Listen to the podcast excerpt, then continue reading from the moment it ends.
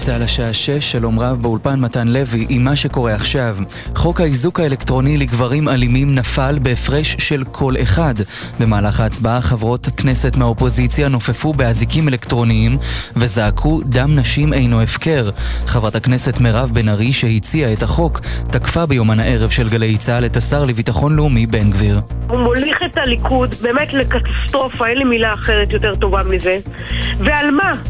עולה לדוכן ואומר לי שאני משתמשת בדם, איך אתה לא מתבייש? כל היום הוא מתעסק, שר הזה מתעסק בשטויות, בפיתות, במים, בקשקושים, במפגינים, באנרכיסטים שהוא קורא להם, במקום להתעסק בלהציל חיים. ואילו השר בן גביר האשים את האופוזיציה בפופוליזם במהלך ההצבעה ואמר אתם מנצלים רצח של אישה למטרות פוליטיות. בכיר בקואליציה התייחס לסערה במליאה בשיחה עם כתבנו הפוליטי יובל שגב ותקף בגלל ההתעקשות של בן גביר להביא חוק איזוק אלקטרוני משלו אנחנו נאלצים להביך את עצמנו במליאה. לא היה קורה כלום אם הוא היה בוחר לאשר את החוק בקריאה טרומית. מנהיג חיזבאללה חסן נסראללה מאיים להשיב מיד על כל תקיפה ישראלית בלבנון. المقاومة في لبنان عند وعدها وعند قرارها وعند عهدها أي اعتداء صهيوني على لبنان عسكري أو أمني المقاومة سترد عليه قطعا وسريعا ההתנגדות בלבנון קיבלה החלטה והיא מבטיחה כל מתקפה ציונית על לבנון, בין אם צבאית או ביטחונית, נגיב עליה מיד ובאופן נחרץ. כך נסראללה בנאום שנשא לפני זמן קצר. עוד השמיץ מנהיג חיזבאללה את ממשלת ישראל. זו ממשלת מושחתים קיצוניים ופושעים. ישראל נתונה במשבר שכמותו לא היה בהיסטוריה שלה. מדבריו הביא כתבנו לענייני ערבים ג'קי חוגי. ועדת החוקה מתכנסת בשעה זו להמשך ההצבעה על המתווה המרוכך למינוי שופטים, מדווח כתב התחום הפוליטי שחר גליק. אחרי ההצבעות במשך הלילה והבוקר, חברי ועדת החוקה חזרו כעת להצביע שוב על ההסתייגויות בחוק של הוועדה למינוי שופטים. האופוזיציה הגישה למעלה מחמשת אלפים הסתייגויות, וההצבעות צפויות להימשך כל הלילה. במקביל הלילה התקיימו גם הצבעות במליאה בקריאה שנייה ושלישית על החוק שימנע מהיועצת המשפטית להוציא את נתניהו לנבצרות. הוא צפוי לעבור סופית מחר בשעות הבוקר המאוחרות. תם המשבר ביחסים בין פולין וישראל לאחר פגישה בין שר החוץ אלי כהן לעמיתו הפולני הוכרז כי שגריר פולין ישוב ארצה. המשבר נבע מחוק הרכש שעבר בפולין לפני כשנתיים ומגביל תביעות רכוש מצד ניצולי שואה. שר החוץ בירך על חידוש היחסים. פולין היא אחת המדינות החשובות באירופה וביחד נפעל לחזק את הקשרים המדיניים, הביטחוניים והכלכליים לטובת שתי המדינות. מדבריו הביא כתבנו המדיני יניר קוזין. ברקע החשש ממחאות באירועי יום הזיכרון לחללי צה"ל, ארגון אלמנות ויתומי צה"ל קורא להשאיר את ימי הזיכרון מחוץ למחלוקת. בהודעה שפרסם הארגון נכתב, יום הזיכרון אינו מבדיל בין ימין ושמאל, אל תעזו להשתמש בו כדי להעמיק את הקרע, ויהיה החורבן האישי והמשפחתי שלנו תמרור אזהרה מפני חורבן לאומי, כך ארגון אלמנות ויתומי צה"ל שהוסיפו, את המחלוקות יש להשאיר לימים אחרים. ידיעה שמסר כתבנו לענייני צבא וביטחון, דורון קדוש. מזג האוויר עלייה קלה בטמפרטורות שתהיינה רגילות לעונה, אלה החדשות שעורכת נועה מיכאלי.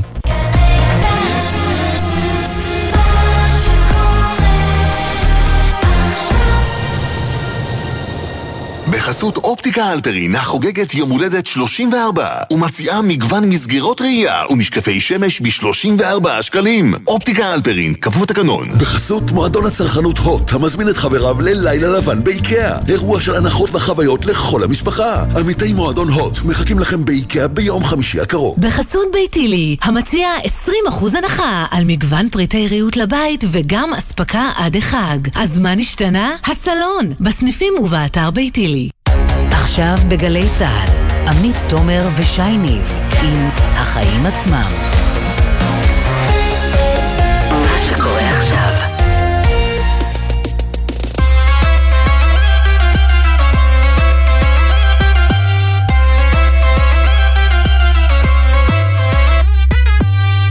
עכשיו שש וארבע דקות, אתם על החיים עצמם, התוכנית הכלכלית-חברתית של גלי צה"ל, היום מיפו, כרגיל, שי ניב, ערב טוב. אהלן עמית תומר, נו מה, חזרת אחרי השידור אה, מאילת אתמול? כן, חזרתי, חזרתי ללבוש ארוך, וחזרתי גם עם סיפור מעניין במיוחד על מדינה נוספת באירופה שמתעניינת אה, להביא אליה את ההייטק הישראלי אה, בימים שבהם הוא מסתכל אה, החוצה בחלקו, ואת הסיפור הזה אנחנו נפרסם ממש עוד מעט. בכלל, נראה שיש מי שמוצאים שלל רב ברפורמה המשפטית, בהפגנות ובפילוג, כולל מסתבר ראשי מדינות אחרות.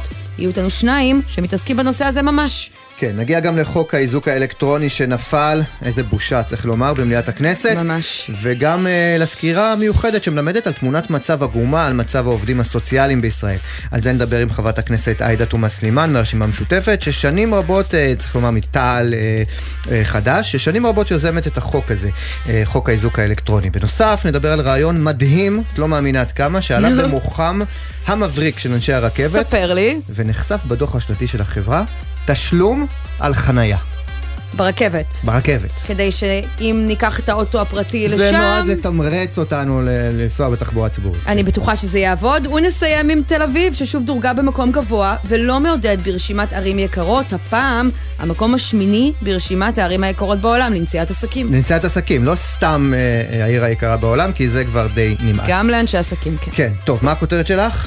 Uh, תשמע, הכותרת uh, שלי uh, קשורה uh, לנושא שאנחנו לא כל כך מדברים עליו, למרות שביום-יום הוא נמצא בראש החדשות, וזה נראה בהתאם. אני מדברת על תקציב המדינה, אחרי שהוא עבר uh, בכנסת, לא בדקה, בממשלה, סליחה, לא בדקה ה-90, בדקה ה-99.9, מחר יובאו התקציב וחוק ההסדרים לכנסת, וסוף סוף נדע את כל מה שיש בתוך המסגרת המאוד רחבה שלו, 484 מיליארד שקלים בשנה הקרובה, ויותר מחצי טריליון שקלים בשנה שאחרי. מספר אמיתי, לא שאנחנו אומרים אה, טריליונים כזה כהגזמה, זה סכומים שאם הם יעברו במתכונת הזאת, יעבירו אותנו מעודף תקציבי לגירעון גדול. בשבועות האחרונים שמענו על כל מיני דברים שיצאו מהתקציב, אבל אם אנחנו שיעשו את זה כדי להפוך אותו לרזה יותר, אחראי יותר, אז הפוך. ביטול הפטור ממע"מ לתיירים נשאר בחוץ, ביטול הפטור ממס על הפנסיה נשאר בחוץ, או במילים אחרות, התקציב רק טפח. אבל זאת לא הבעיה הכי גדולה שיש לי עם התקציב הזה. הסיפור החמור ביותר בעיניי הוא היעדר השקיפות. בתחילת השבוע הבא, חברי הכנסת יצטרכו להצביע על התקציב וחוק ההסדרים בקריאה ראשונה, לספר למאזינים שלנו למסמכים של מאות עמודים כל אחד, שהם עדיין לא קיבלו לידיהם. חברי כנסת שאני משוחחת איתם אומרים לי, אנחנו לא זוכרים דבר כזה, איך מצפים מאיתנו להצביע על מסמך כל כך עתיר פרטים שאנחנו לא מכירים ולא אחרי, נספיק אחרי שגם שרי לעומק. הממשלה הצביעו על תקציב שהם לא ידעו ממש אה, אה, איך הוא נראה. ולא סגרו אותו עד הסוף. כן, ותשמע, אנחנו מדברים פה הרבה על עצמאותה של הרשות השופטת, אבל אירועים כאלו הופכים גם את הרשות המחוקקת לחותמת גומי, וחבל, אין סיבה. לגמרי. כותרת שלך. טוב, הכותרת שלי היא התפרקות. אין אה, מילה אחרת לתאר את זה. תראי, פעם אחת יש לך שר אוצר שמגמד ומתעלם למעשה מהתחזיות הקודרות לגבי הכלכלה הישראלית, כי בסוף, את יודעת, הפוליטיקאי סמוטריץ' והאידיאולוג סמוטריץ' גוברים על התפקיד הזמני שהוא ממלא כרגע מה לעשות. כמו שהסבירו בפורום קהלת, ואת מכירה את ההסבר הזה, בחזון שלנו למדינת ישראל יש דברים חשובים יותר מאוד כמה אחוזי צמיחה. פשוט.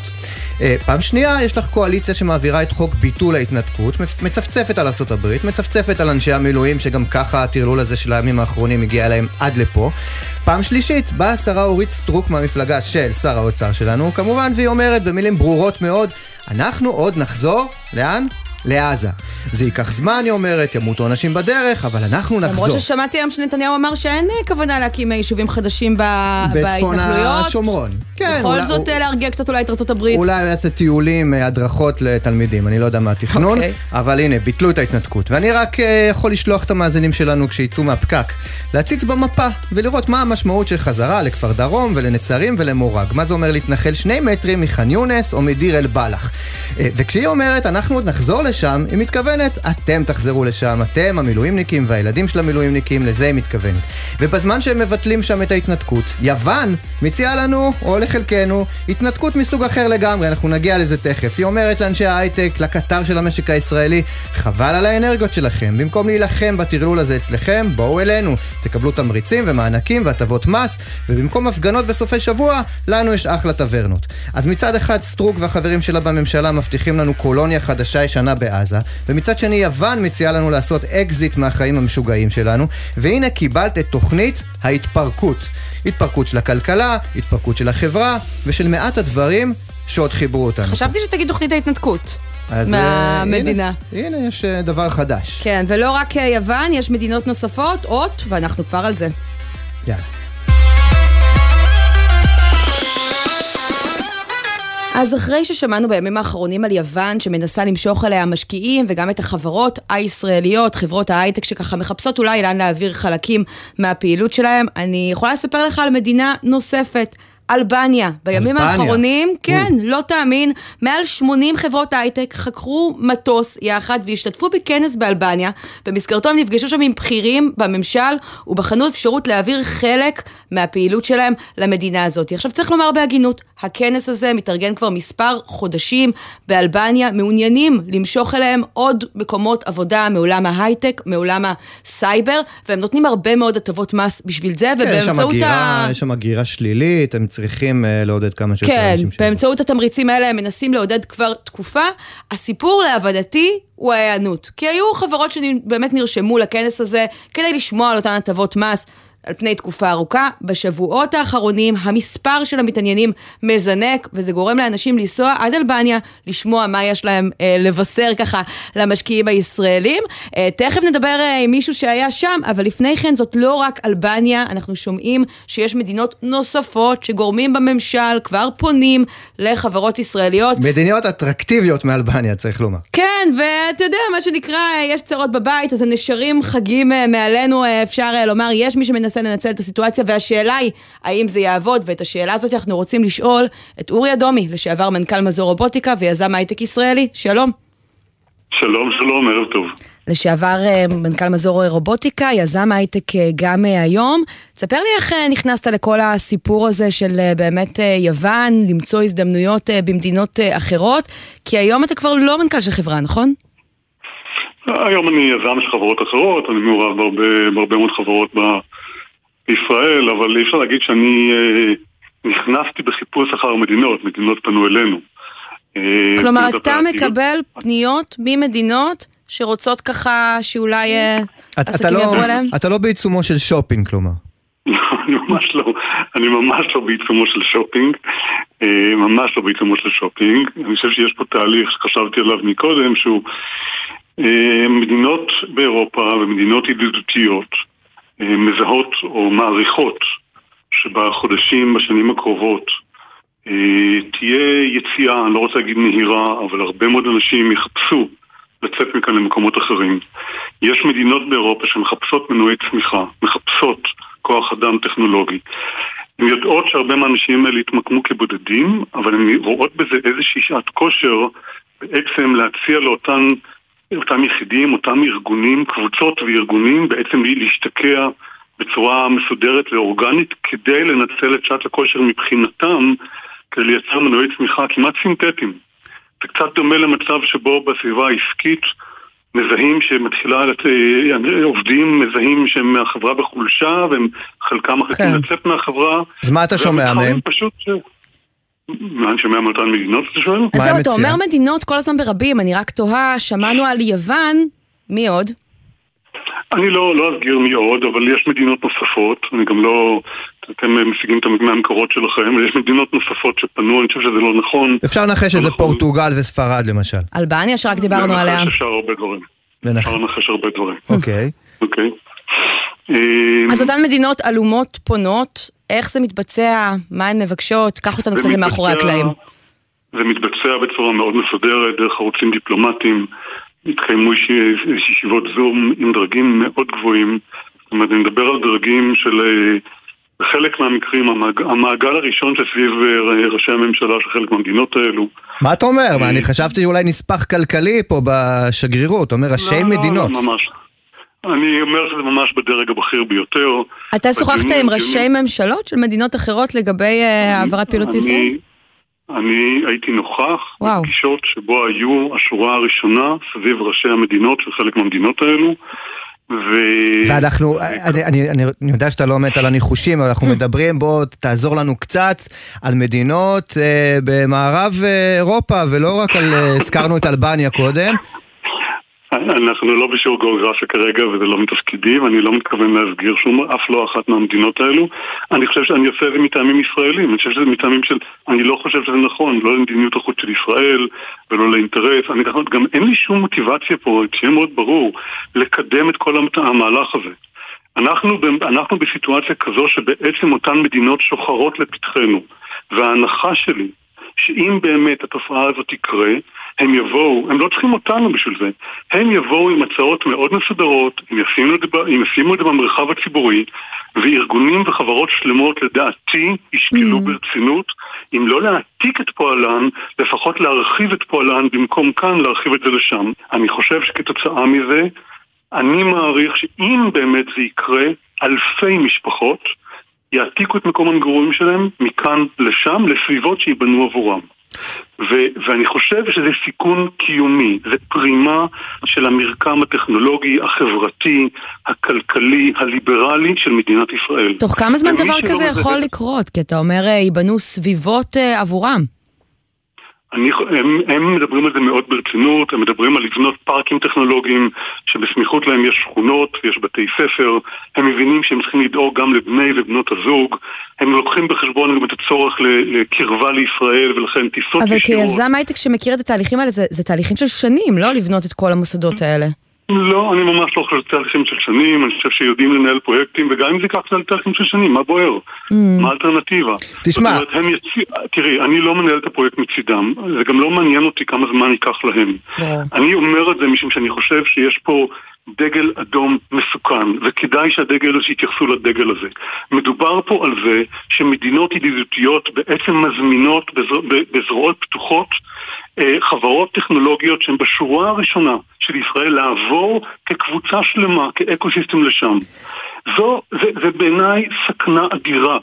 זה שמיטת הקרקע מתחת ל, ל, ליציבות, גם הכלכלית וגם החברתית וגם הליברלית במדינת ישראל. כן, ולכן אני חושב שזה, אם צריך היה עוד סימן לעד כמה המגמה הנוכחית מסוכנת ומסכנת, אז אני מרים גם את הדגל הזה. תראה אורי, את האזהרות אנחנו מכירים, וחד משמעויות הן רציניות ומשמעותיות. אני טועה, אבל לצד זה שאתה אה, בודק ובוחן, שומע כל מיני הצעות, ואנחנו שומעים בין היתר על אה, הטבות מס ותמריצים ו- ומענקים, האם אתה בוחן גם את התשתית הדמוקרטית, אפרופו המחאה כאן על הדמוקרטיה בישראל? אתה יודע למשל, אם מדברים על יוון, אתה יודע איך בוחרים את השופטים ביוון, אתה יודע מה המיקום שלה במדד הדמוקרטיות למשל? כמו שאמרתי, אני לא במצב של שופינג ולא במצב של בחינה, אוקיי? אני לא בסטטוס הזה. אז אה, אה, אני לא, לא במקום הזה, אני במקום הזה שבו אותן ממשלות, אותן מדינות, ואני לא מאשר שזה יוון, שדיברו mm. איתי לפחות. הן מתייעצות, הם יבואו בסוף עם הצעות, וכל ארגון וכל uh, משפחה תחליט את ההחלטות שלה. אתה הובלת ב... על הטוב ועל הרע. כן. אני רוצה להגיד משהו, אני רוצה רק להגיד לך משהו על הדבר הזה. תראה, כן. אף אחד מהאנשים שעובדים כאן בישראל, אף חברה ואף ארגון, לא יקום מעצמו, לא, לא בוחר לעזוב את המקום הזה. אין תחליף לא לתחושת הביתיות, ולא לשפה, ולא לאווירה, ולא לחוסר הפורמליות, ו- ולא להרבה מאוד מדברים משפחתיים שיש לנו במקום הזה. חד משמעית.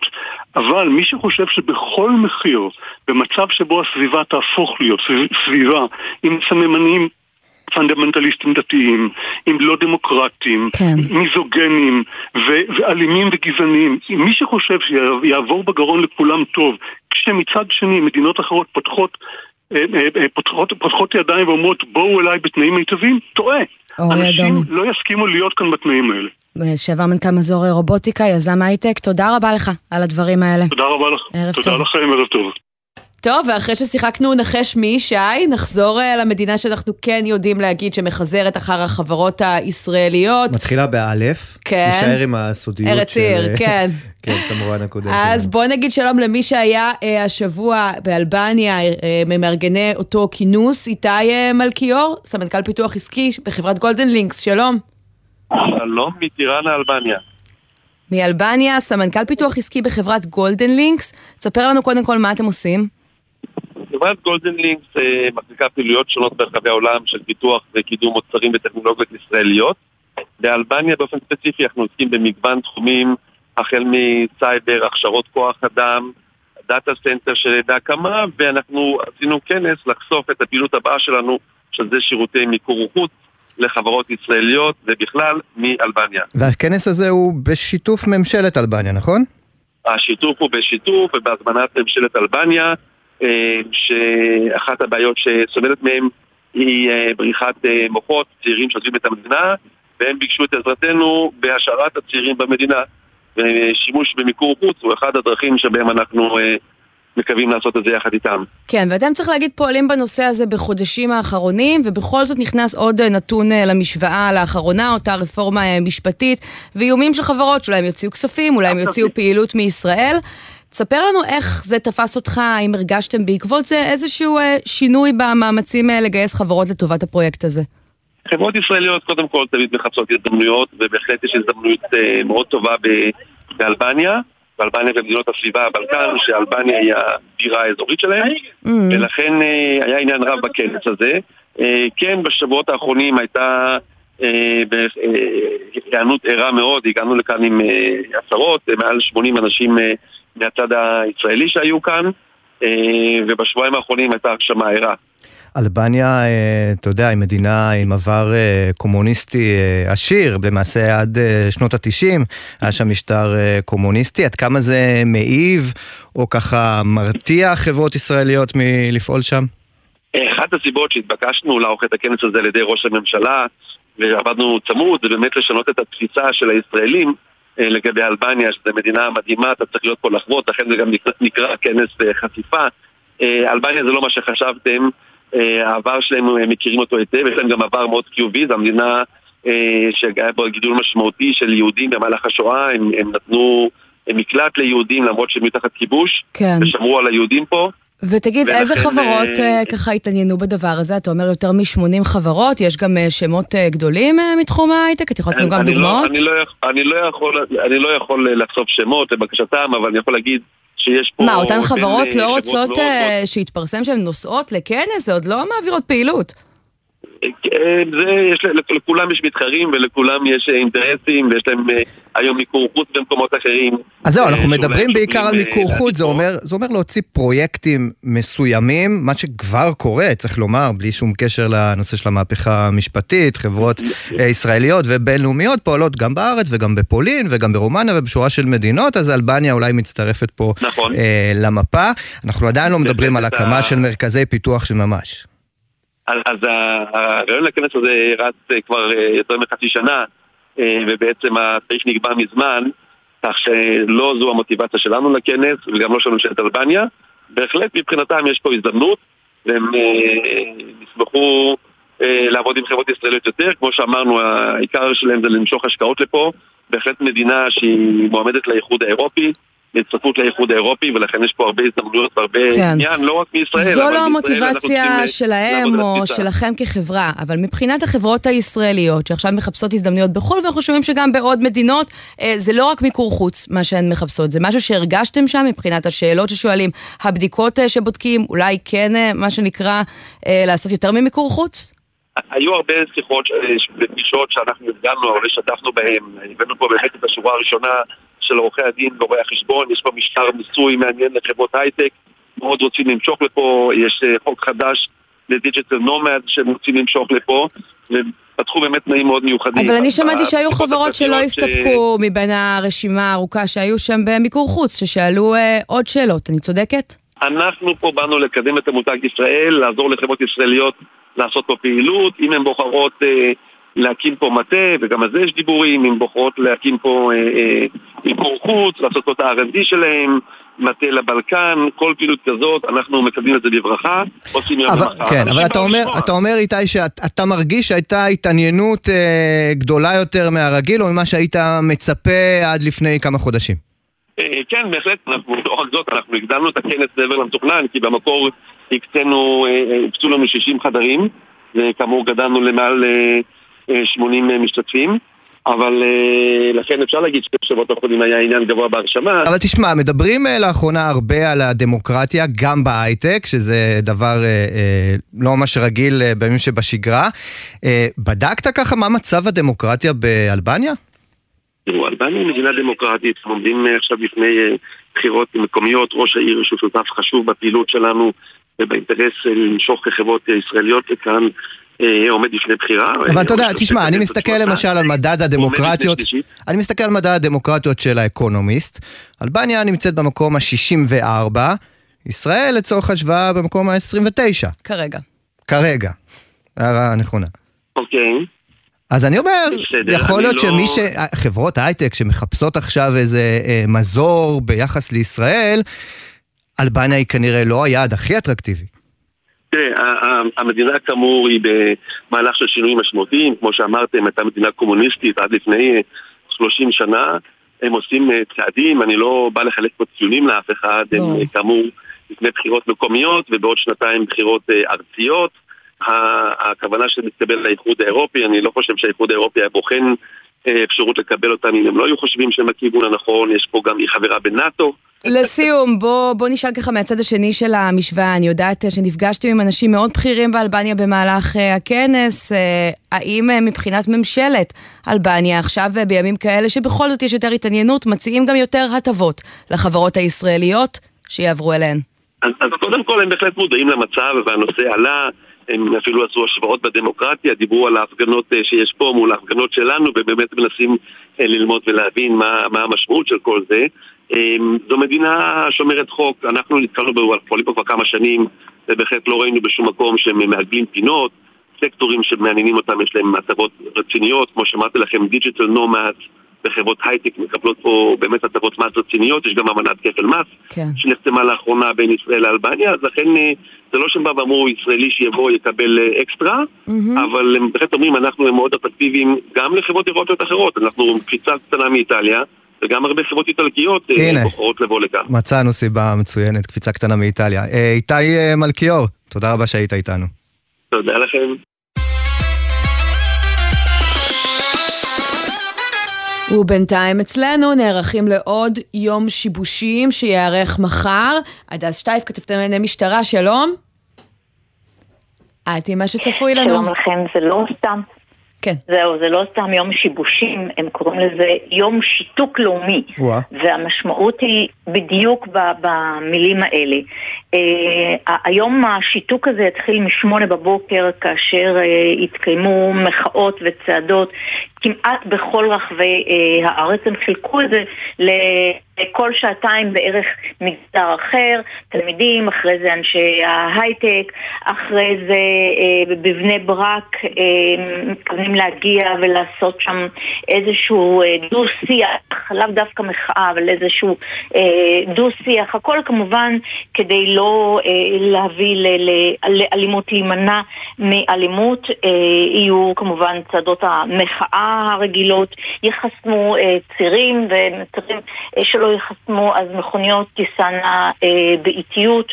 יהיה מאוד קשה להגיע גם לתל אביב וגם לירושלים, כשגם המשטרה כבר הודיעה שיחסמו עליות מנתיבי איילון לכיוון תל אביב בשל המחאה כלומר, הגדולה. בפירוש הרעיון הוא לייצר יותר חסימות. אנחנו נראה יותר חסימות כבישים מה, מהשבועות הקודמים, זה הרעיון לפחות. הרבה, יום, יום שיתוק לאומי, זאת אומרת הכוונה היא לשתק אה, כמעט את כל המערכת בכל מדינת ישראל, בכל רחבי הארץ. זאת אומרת, זה לא רק תל אביב, ירושלים, בני ברק, זה ממש בכל רחבי הארץ. אני יכולה לספר לך שבאזור השרון אה, מתארגנים אה, מאות אנשים להגיע לצמתים, לרחבי מרכזי הערים. כמעט בכל מקום ברחבי הארץ אנחנו נראה את ה... את ההתקבצות הגדולה כשאנשים כבר הודיעו שהם לא אה, יגיעו לעבודה כי זה הרבה יותר חשוב. אה, נזכיר שגם כמה אוניברסיטאות אה, התירו לסטודנטים שלא להגיע ולהגיע למחאות, כמה בתי ספר וכיוצא בזה. זאת אומרת, אני חושבת שמחר זה יהיה היום אה, שיביאו את הקול הכי חזק במחאה הזאת עד היום, לפחות לפי מה שמתוכנן, ובהתאם כן. המשטרה נערכת אה, כמובן עם כוחות מאוד גדולים ממה שיש לה, כשהכוונה היא כמובן לתת, למחות, אבל לא לחסום אה, כבישים ולא אה, לשבש את אורח החיים הרגיל במדינה, כן. אם כי אני חושבת שאורח החיים אה, נפגע ממילא גם בלי אה, המוחים בכל, בכל מקום, כי הרבה מאוד מהעובדים מצטרפים כן. למחאה הגדולה. ואנחנו מבינים שכבר הערב... ש... כבר הערב, יש אה, פעם כן. ראשונה בעצם המחאה, המחאה מגיעה לביתו של יושב ראש ההסתדרות ארנון בר דוד בקריית אונו.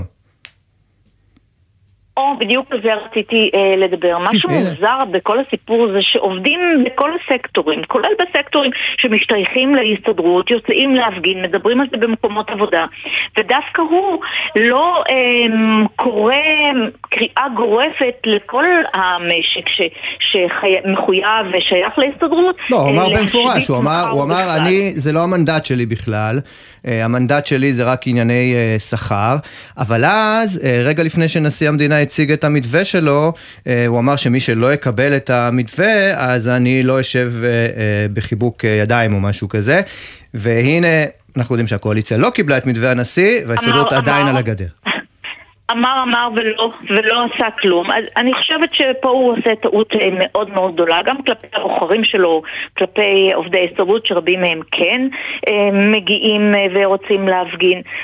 אני, אני מניחה, באמת, אני לא רוצה להתנבא, אבל התוצאות תבואנה אולי בהמשך, בהתאם לזה שהוא ככה משתדל. להישאר נקי ובחוץ, זה לא ילך. את אוקיי. יודעת למי ניתנה הנבואה. הדס שטייף, כתבתם לענייני משטרה, תודה רבה לך על הדיווח הזה. תודה לכם. כמה הודעות ואז סערת חוק האיזוק האלקטרוני. שנדחתה, סיפור מרתיח מאוד שאנחנו uh, נהיה איתו מיד. והצעד המוזר שעולה מהדוח השנתי של רכבת ישראל, האם נצטרך לשלם שם בקרוב על חנייה בתחנות הרכבת? מיד חוזרים.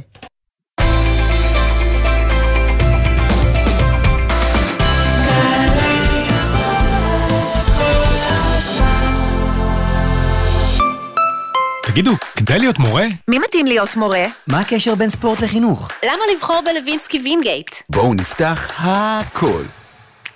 יום פתוח באמת במרכז האקדמי לוינסקי וינגייט. 28 במרס בשעה 4 בקמפוס לוינסקי ובקמפוס וינגייט. לפרטים כוכבית 5009. לרשות שדות התעופה דרושים בודקים ביטחוניים. הצטרפו לנבחרת ותיהנו ממענק הצטרפות, מהשתתפות בשכר הלימוד לתואר ומתנאים ברמה גבוהה. מאוד גבוהה. לפרטים, היכנסו לאתר רשות שדות התעופה, בהתאם לתנאי התוכנית. פסטיבל האוכל הכפרי במטה יהודה חוזר עם חגיגת מאכלי עמים ועדות, מפגשים עם בשלניות ובשלנים המארחים בביתם מכל הלב, שלל מטעמים, סיורים מודרכים בין אסירים ואירועים מיוחדים. פסטיבל האוכל הכפרי במטה יהודה, תשעה במרס עד אחד באפריל. חפשו את הלב הירוק, תיירות מטה יהודה. שלום, שמי טל יוגב, ואני סטודנט לתואר ראשון במנהל עסקים עם התמחות בחשבונאות באוניברסיטת רייכמן. העולם משתנה מהר, ומי שלא יקבל הכשרה מתאימה, יישאר מאחור. אתם מוזמנים לשמוע על תוכניות הלימוד הבינתחומיות, שנועדו להכין אתכם לאתגרי המחר. יום פתוח לתואר ראשון, שישי, 24 במרס, 9 בבוקר, באוניברסיטת רייכמן. האוניברסיטה הפרטית היחידה בישראל. שלום, כאן איתי הרמן. זה שאני יודע את כל שמות נשיאי ארצות הברית, למשל, עזר לי לקבל לא מעט משרות. לרעיונות העבודה שלכם, זה בוודאי יועיל פחות. אבל מה שתלמדו באתר קמפוס IL יכול להעניק לכם יתרון בכל ראיון. כי בקמפוס IL תמצאו קורסים חינם כמו כתיבת קורות חיים, יצירת פרופיל לינקדאין, אקסל למתקדמים ועוד רבים שישדרגו לכם את קורות החיים. קמפוס IL, בהובלת מערך הדיגיטל הלאומי והמועצה להשכלה גבוהה. הזמרת אילנית, הנציגה הראשונה של ישראל לאירוויזיון, במופע חגיגי לציון 50 שנה לאי שם. מתרפקים על הזיכרונות בקונצרט עם מיטב הלהיטים במסגרת פסטיבל בשחור לבן בליווי התזמורת הסימפונית ירושלים. מנצח רוני וייס, מחר, שבע וחצי בערב, תיאטרון ירושלים, ובקרוב בגלי צה"ל. עכשיו בגלי צה"ל, עמית תומר ושי ניב עם החיים עצמם. טוב, את מכירה את זה שצועקים ברחוב בושה, בושה, בושה? אז תשמעי, אין זמן מתאים יותר מאשר הרגע הזה להגיד בושה, בושה, בושה, וזה על חוק האיזוק האלקטרוני חוק שנפל. שהוא לגמרי החיים עצמם, לא ממש. סיפור פוליטי הפעם, לא אמור להיות סיפור פוליטי. נפל בכנסת, הקואליציה, צריך לומר, אה, הפילה אותו אה, אה, בכנסת. חוק שאת יודעת, אה, אה, כל התכלית שלו זה בעצם אה, להגן על נשים שהן נפגעות אלימות, ואת יודעת, בעצם להצר קצת, קצת יותר את צעדיהם של גברים כן, אלימים. מה שקורה היום זה שלפעמים, ואנחנו לא נלך אה, לסטטיסטיקות של כמה נשים נרצחות בישראל, כי זה לא כל המקרים, אבל יש מקרים כאלה של גברים אלימים שמפרים צווי הרחקה, מאיימים על נשים, מסכנים את חייהן, לפעמים לא רק מסכנים אלא ממש עושים. ונענשים לא פעם רק בדיעבד כששום עונש לא מחזיר את אותן נשים לחיים, והצעד שהיה אמור למנוע את זה נפל אחרי שעורר מחאה מאוד בכנ... גדולה מאוד בכנסת. בוא נשמע את הקולות מהמליאה. רבותיי חברי הכנסת, להלן תוצאות ההצבעה: 53 בעד, 54 נגד. אני קובע שהצעת חוק נדחתה. הצעת חוק נדחתה, נעבור להצעה. הצבעה הבאה של חברת הכנסת מירב בן ארי. אה, הם באמת צועקים בושה, לא, לא הבנתי שזה הרפרנס. הנה. כן, אמרתי, זה ממש מתאים. לא רק ברחוב, כן. ואיתנו עכשיו בעניין הזה חברת הכנסת עאידה תומא סלימאן, מחד"ש תע"ל, יוזמת חוק האיזוק האלקטרוני, אחת מהיוזמות, שלום. שלום, שלום. אז תשמעי, 54 אה, מתנגדים מול 53 תומכים, זה נפל על חודו של כל החלטה שיכולה לעלות בחיים. קחי אותנו רגע לתמונת המצב במליאה, אנחנו לא נזכיר את כל השמות, כי יש לא מעט שמות. אבל נעשה איזה מצעד שיימינג אה, קטן בשידור, ברשותך. מי הצביע נגד? אה, כל חברי הקואליציה. תהיי כמה שמות, נו, קדימה, הנה, יש לנו הזדמנות. כולל חברות הקואליציה. מי? כלומר, חברות הקואליציה אני אגיד שם, את. תגידי עוד שם. קטי שטרית? כן.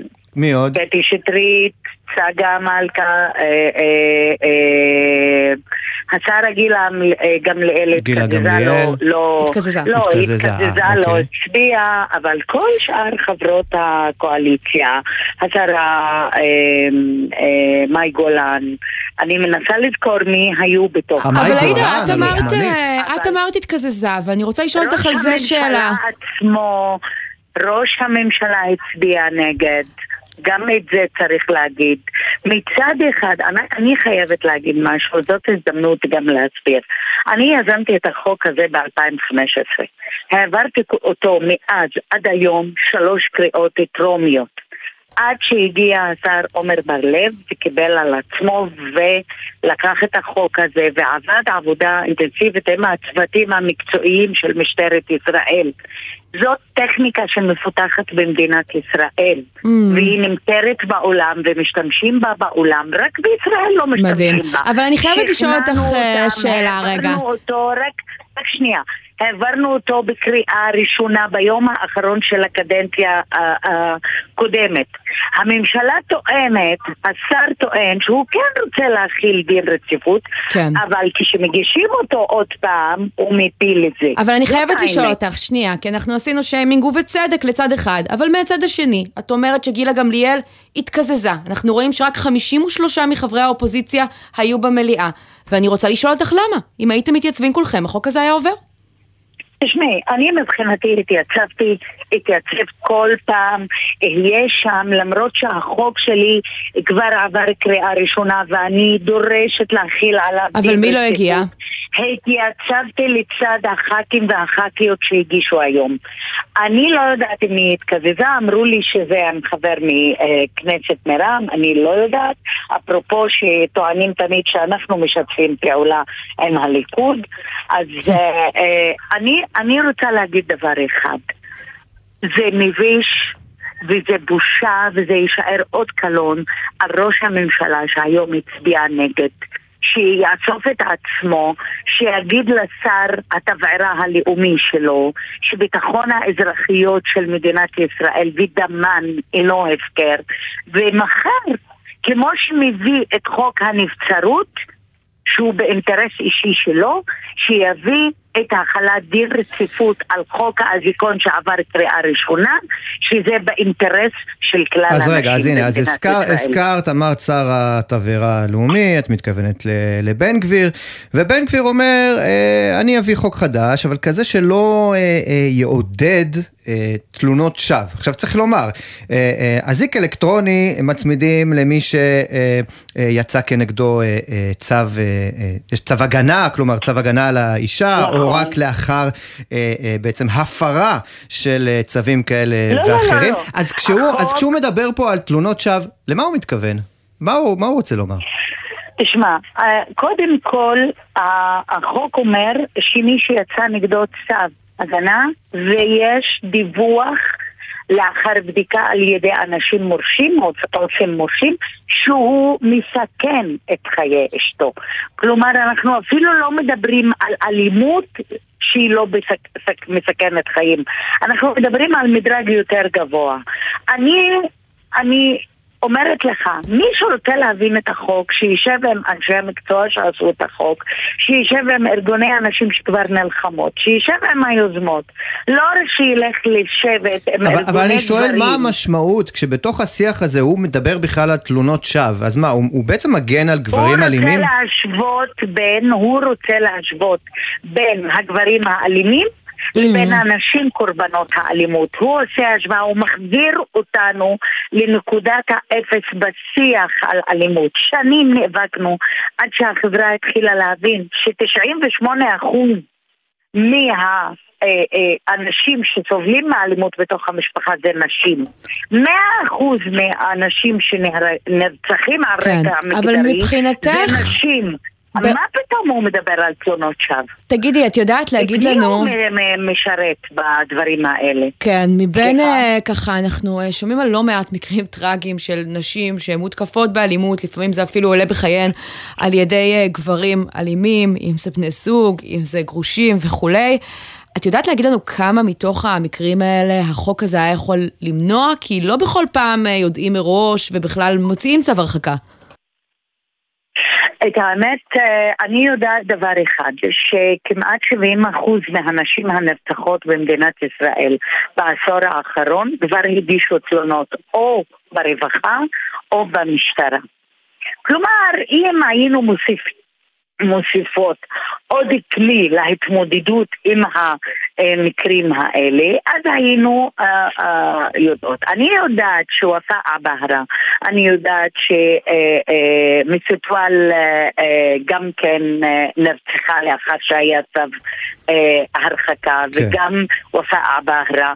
דריה שנרצחה לפני שבוע, אה, אה, פחות משבוע אפילו, אה, היה לה אה, אה, תלונה אה, במשטרה והיה אה, תלוי שם אה, כתב אישום נגד הבן זוג ולצערי הרב אם היו מטפלים בנושא, הם היו מרחיקים אותו, הם היו לא נותנים לו להפר את הזה, והיה אזיקון. אה, קשה לדעת לגבי לפחות- המקרה הספציפי הזה, אבל אין ספק ש... אין ספק שאזיק אלקטר- אלקטרוני, לפחות בעתיד בוודאי, כן. ימנע מקרים כאלה, אבל אני חייב לשאול אותך לגבי ההתנגדות המפתיעה, או תגידי לי את אם היא מפתיעה של משרד האוצר, בגלל עלות תקציבית. התנגדו לחוק, מאחורי הקלעים זה, לפחות. זה, זה עוד משהו, זה לא... אה, אני, אני לא בטוחה שזה עניין תקציבי, כי כבר הממשלה הקודמת אה, אה, אה, אה, אישרה תקציב ל... אז מה זה, ל- זה למה הם מתנגדים? אני עדיין זוכרת ביום האחרון של הקדנציה הקודמת, כאשר ניסינו בכל כוחנו שהחוק יעבור בקריאה ראשונה כחלק אבל אם ככה, למה במשרד האוצר מתנגדים לשיטתך, חברת הכנסת סלימאן? אחד המתנגדים העיקריים היה שהוציא לנו את הנשמה עד שגררנו דיברנו על חברי הכנסת, אני רוצה לשאול אותך למה. משרד האוצר מתנגדים לדבר הזה, אם ככה, הם לא משיקולים אומרת שזה תקציביים. השר סמוטריץ'. את לא הקשבת. סליחה, אוקיי. אחד מהמתנגדים העיקריים שטרפד עד הרגע האחרון את העברת החוק בקריאה ראשונה בקדנציה הקודמת, לולא הלחץ המסיבי שהפעלנו ביום האחרון בקדנציה, זה לא היה עובר. אז מה, גורמי המקצוע. ממלאים את אה, האידיאולוגיה שלו? אני חושבת שההתנגדות היא אידיאולוגית. מעניין. אחרת יוכיחו, שיביאו, וכל מי שרוצה לעשות שינויים בחוק, Mm-hmm. יש לו את האופציה, שיעביר דין רציפות, נתחיל את הדיונים והכנה לקריאה שנייה ושלישית, יבוא כן. יציע את השינויים שלו. תגידי, אני חייבת לשאול אותך על עוד אה, נושא אחד. אה, לפני אה, שבוע, יאיר לפיד, יושב ראש האופוזיציה, אמר שהוא לא משתף איתכם פעולה כי אתם עובדים עם הליכוד בשיתוף פעולה מלא. אנחנו שומעים שהיום הוא נפגש עם חבר הכנסת אחמד טיבי, יושב ראש מפלגתך. מה השתנה? אני לא יודעת מה השתנה, כדאי לשאול את אה, אה, לפיד עצמו, אבל אה, אני חושבת שהוא קצת התעשת. תשתפו איתם פעולה? ש... סליחה? תשתפו פעולה עכשיו עם שאר ראשי האופוזיציה בסיפור אה, של המחאה נגד הרפורמה המשפטית? למה, אנחנו חיכינו להם כדי למחות נגד הרפורמה, או להעמיד אה, עמדה שמתנגדת אה, אה, לרפורמה? כלומר, לא הייתם במסיבות העיתונאים של ראשי אנחנו האופוזיציה הח"כים, רק כי לא הוזמנתם, ועכשיו כן תגיעו אם תוזמנו? בזמן, בזמן שהם עשו מסיבות עיתונאים והלכו לישון בבית, אנחנו נשארנו עד הבוקר לעשות פיליבסטר ולנסות להדוף את החוקים. אז שאף אחד לא יטיף לנו מוסר. הוא כנראה עדיין מרגיש שהוא רוצה ערבים בדיוק על המידות שלו. אז אנחנו אומרים לו ככה, מר לפיד, אנחנו נגד הרפורמה הזאת, לא בגלל שאנחנו רוצים שנמצא חן בעיניך, אלא בגלל שאנחנו עקרוניים בעניינים אבל לכן. אני שואלת אם עכשיו, רוצה- כשיש לכם מטרה משותפת ויש פגישה. תשתפו איתם פעולה מעכשיו. מה את אומרת? אני רוצה להגיד לך על, על, על המישור הפרלמנטרי ובין הח"כים ובינינו כחברי ועדות וכולי, אנחנו שיתפנו פעולה. אבל מפגש של ראשי לפיד, האופוזיציה, מפגש משותף, אנחנו לא נראה? זה תלוי בהם. אוקיי. זה תלוי הנה. בהם, הם יזמינו, אנחנו נתייצב. רשמנו. אנחנו רוצים, המטרה שלנו להדוף את הפשיזם המתהווה בתוך מדינת ישראל. מי שרוצה לשלב ידיים ולעשות את זה, בבקשה, אדרבה. חברת הכנסת אה, עאידה תומא סלימאן, מתע"ל חד"ש, תודה רבה שהיית איתנו. תודה לכם.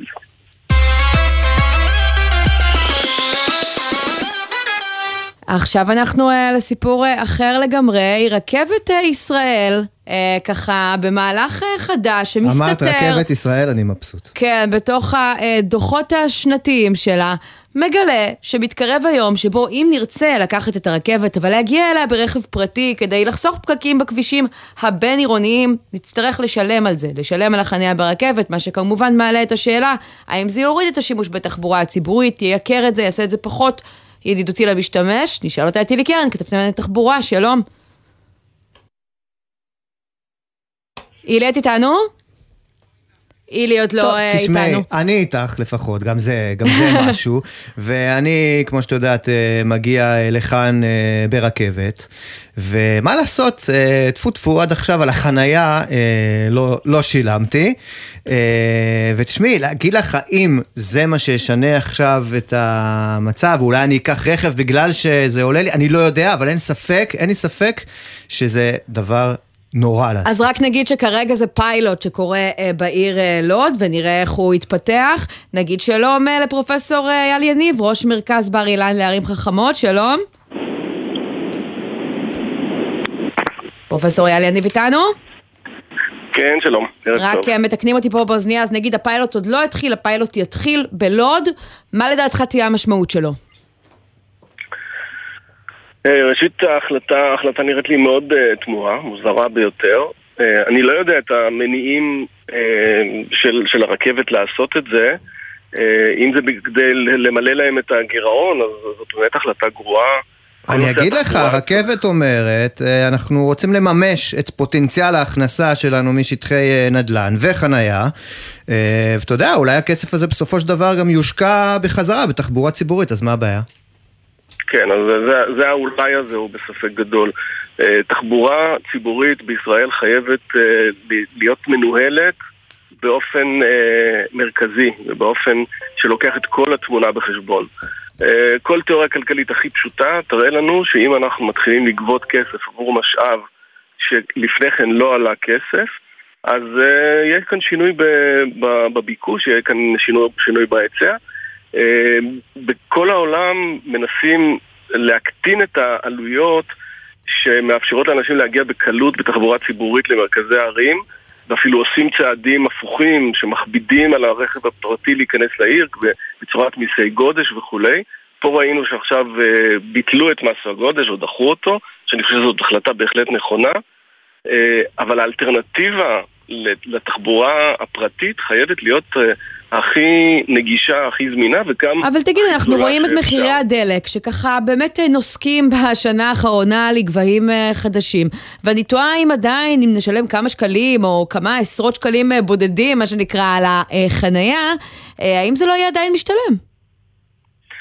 כל, כל תשלום, לא משנה איזה תשלום, אה, מקטין, מקטין במידה מסוימת את, ה, את היתרון בלהשתמש בתחבורה ציבורית. אנחנו, הממשלה צריכה לעשות כל מאמץ להגדיל ככל האפשר את השימוש בתחבורה ציבורית. אה, גם היום התחבורה הציבורית בישראל זה לא תחבורה שהיא נוחה, היא לא באמת תחליף נוח להרבה מאוד נסיעות פרטיות. אם אנחנו גם עוד, אה, זה יתייקר ויעלה יותר, אז אנחנו באופן מיידי מקטינים את, ה, את הרצון של האנשים, צריך, צריך, לא, של, צריך לומר של גם, הנוסעים. צריך לומר גם פרופסור יניב, אה, אה, בהרבה מאוד מקרים אה, תחנות הרכבת בארץ נמצאות בעצם מחוץ למרכזי הערים ולכן אנחנו צריכים רכב להגיע אל התחנה, אלא, ותאמר לי עכשיו, אם אנחנו נראה תחבורה ציבורית יעילה אל הרכבת ומהרכבת, אז בסיטואציה כזו יהיה מוצדק בסופו של דבר לגבות תשלום בחניה? אם התחבורה הציבורית לתחנת הרכבת תהיה מאוד נוחה, אז זה לא רק יהיה מוצדק, זה יהיה נכון מאוד לעשות את זה, כדי להקטין את השימוש בתחבורה פרטית אל, אל התחנות. אבל אנחנו מדברים כאן על, על אוטופיה. אנחנו מדברים על uh, תחבורה ציבורית שבאמת לא, לא נוחה מספיק, וצריך לעשות כל מה שאפשר כדי לעודד אנשים להשתמש בתחבורה ציבורית. אתה רומז שהתחבורה הציבורית בישראל עדיין לא אוטופית, מעניין. כן. קצת קשה לפספס את זה, כן. פרופסור כן. אייל יניב, ראש מרכז בר אילן לערים חכמות, תודה רבה לך על הדברים האלה, ורק ניתן את תגובת הרכבת שמוסרת לנו שהיא מפעילה ומתחזקת עשרות חניונים, ובמסגרת תוכנית הפיתוח שלה מתוכננים מתחמי מסחר ותעסוקה מתקדמים, שממוקמים בסמיכות לתחנות, במסגרתם ייבנו חניונים רבי קיבולת במשולב עם מסופי תחבורה ציבורית, ומרכז כזה באמת נחנך כבר בלוד, אז בהתאם לכך, הרכבת צפויה לגבות תשלום על חניונים אלה, כאשר התשלום לדבריהם יהיה סמלי ביותר ויהווה תמריץ לנסיעה ברכבת על חשבון הרכב הפרטי. האומנם? נמשיך לעקוב. לגמרי.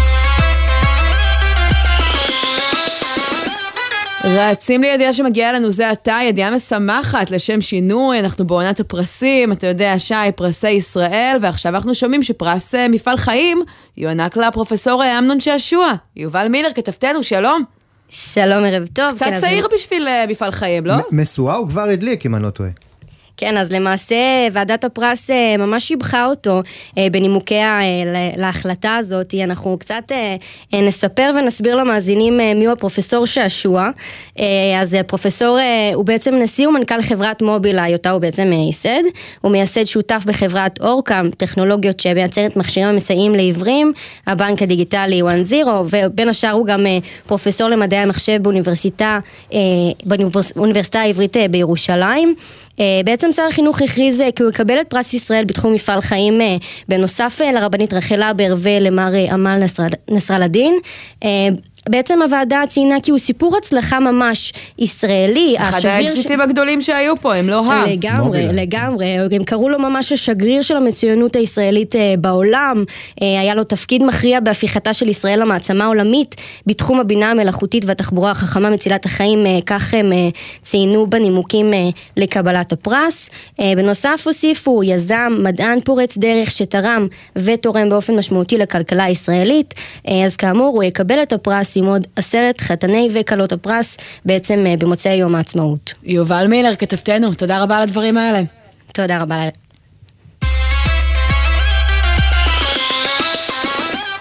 תשמע, אמרנו, חזרנו לאולפן ביפו, מהשידור אתמול באילת, למדינת תל אביב, מה שנקרא, וכאן יוקר המחיה משתולל, גם אה, בישראל אה, כולה, אבל בתל אביב על אחת כמה וכמה, ושוב, אנחנו זוכים לתואר מפוקפק, המקום השמיני ברשימת הערים היקרות בעולם לנסיעת עסקים, ואיתנו ירון טן ברינק, עורך Time Out תל אביב, שלום.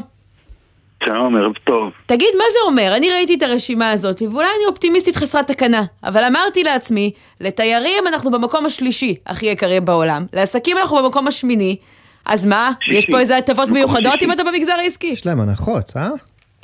כן, לא, אנחנו במקום, השיש... אנחנו במקום השישי בעולם, לא במקום השמיני בעולם.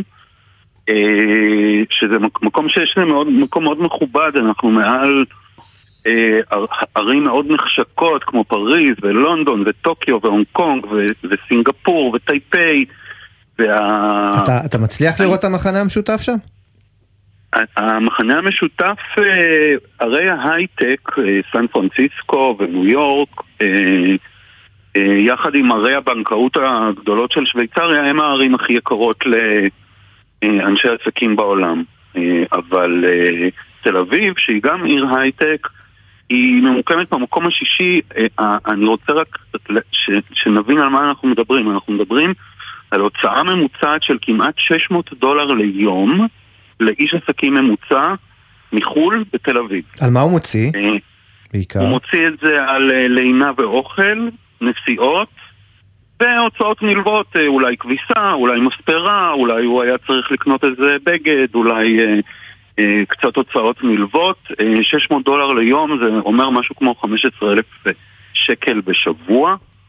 אה, ואלה נתונים אה, דרמטיים, כי אה, באמת, אה, אה, אם, אם אנחנו צריכים להשוות את תל אביב לערים אחרות ברשימה, אז, אה, אז אתה יודע, איש העסקים הממוצע הוא... אה, אה, בוא נגיד האטרקטיביות של תל אביב כן. לעומת סן פרנסיסקו. תגיד, אתה חושב שזה פוגע אולי בהזדמנויות העסקיות של ישראל? כי אני אומרת, בסופו של דבר, הרי תל אביב היא בירת המגזר העסקי שלנו, רוב החברות נמצאות כאן, ואני תוהה אם זה אולי מרתיע, תג המחיר, אנשים מלהגיע.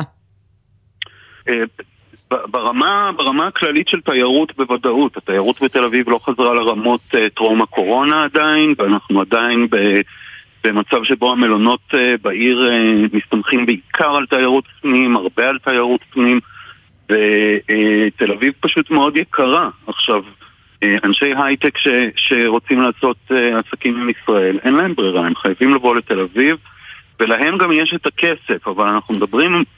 על עוד סוגים של עסקים שהם לא בהכרח הייטק, של אה, יבוא וייצוא ודברים מהסוג הזה, ואני חושב ש, שיש דרג של אנשי עסקים שחושב פעמיים לפני שהוא מגיע לעיר שזו ההוצאה היומית בה.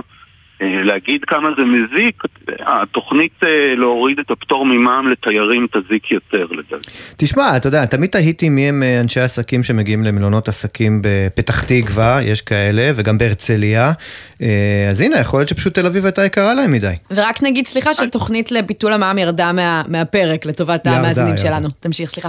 אה, אוקיי, נו, אז אה, לפחות זה, אה, אבל אה, אתה יודע, אני חושב שבאמת אתה נתקל במלונות, אה, במקומות אה, מוזרים בגוש דן, זה, זה באמת קהל היעד. לא שיש לנו איזשהו אה, עניין עם פתח תקווה, חס ושלום. אני לא, לא, להפך, פתח תקווה מקום נחמד. בדיוק. ירון טנבריק, עורך טיים אאוט. שמע, מקווה שיהיה קצת זול יותר, אבל עדיין אין על תל אביב. כן, תודה רבה כן. לך על השיחה הזאתי, ונקווה שבאמת אולי משהו ישתנה בזכות התארים המפוקפקים האלה. אנחנו סיימנו, נגיד תודה לבן נצר, העורך שלנו. הפיקו את התוכנית ברק בטש ואורי שילה ורז אזולאי. הטכנאי בשידור היה אור זאב מטלון וקיקו נדב. עורך הדיגיטל הוא מתן קסלמן. ומיד ות... אחרינו. 360 ביום, נכון? עידן קלר, כן. אני הייתי עמית תומר, שי ניב, תודה רבה. תודה. ונחזור ביום ראשון, תבואו גם, ביי ביי.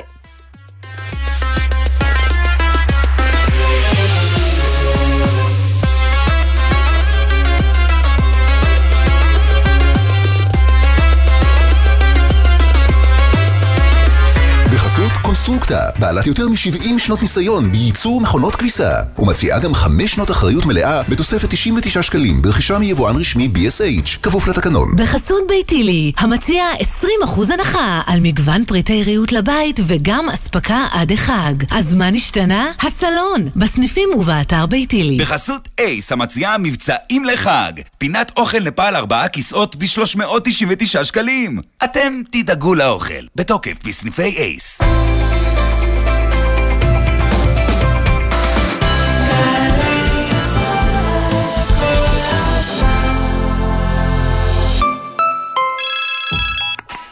שלום, מדבר יוחאי כביכול.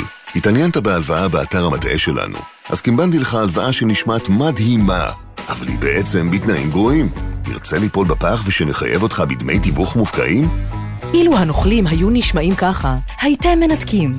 אבל הנוכלים חכמים יותר. תהיו גם אתם. מציעים לכם שירות ייעוץ הלוואות? איתור כספים אבודים? בדיקת זכויות רפואיות? אל תיתנו פרטים. תבדקו היטב מי מולכם. תתייעצו עם עוד מישהו. ואם נפגעתם, תתלוננו בפנינו. הרשות להגנת הצרכן ולסחר הוגן. שלום, כאן ליאת מאגף השיקום במשרד הביטחון. נכי צה"ל, אנחנו איתכם כל הדרך אל התואר ולהכשרה המקצועית. במסגרת רפורמת נפש אחת, הגדלנו את גובה ההשתתפות בשכר הלימוד, דאגנו לכם למענק לרכישת ציוד ללימודים, הרחבנו את המימון לשיעורי עזר, ויש לנו בשבילכם גם פתרונות להשלמת בגרויות, קורס פסיכומטרי או מכינה קדם אקדמית. מחכים לכם באתר האגף השיקום ובמחוז, אנחנו כאן בשבילכם, אגף השיקום. אמא, אבא, תכירו, חריש. ההזדמנות שלכם לצמוח בחממה אמיתית. חריש, חממה עירונית. חברים, כאן גבי אמרני. יש לי מילה אחת בשבילכם, עוד. בגילנו אנחנו צריכים לתת לעצמנו עוד. גם בכביש, להשקיע עוד קצת ולחצות אך ורק במעבר חצייה, גם אם הוא קצת רחוק וקשה ללכת אליו. לא להתפרץ לכביש, לסמן לנהג שאנחנו רוצים לעבור ולהסתכל לו עוד רגע בעיניים כדי לוודא שראה אותנו. כ-50% מהולכי הרגל הנהרגים בתאונות דרכים הם אזרחים ותיקים. תנו לעצמכם עוד זמן. אלה החיים שלכם. כולנו מחויבים לאנשים שבדרך, עם הרלב"ד. מיד אחרי החדשות, עידן קבלר.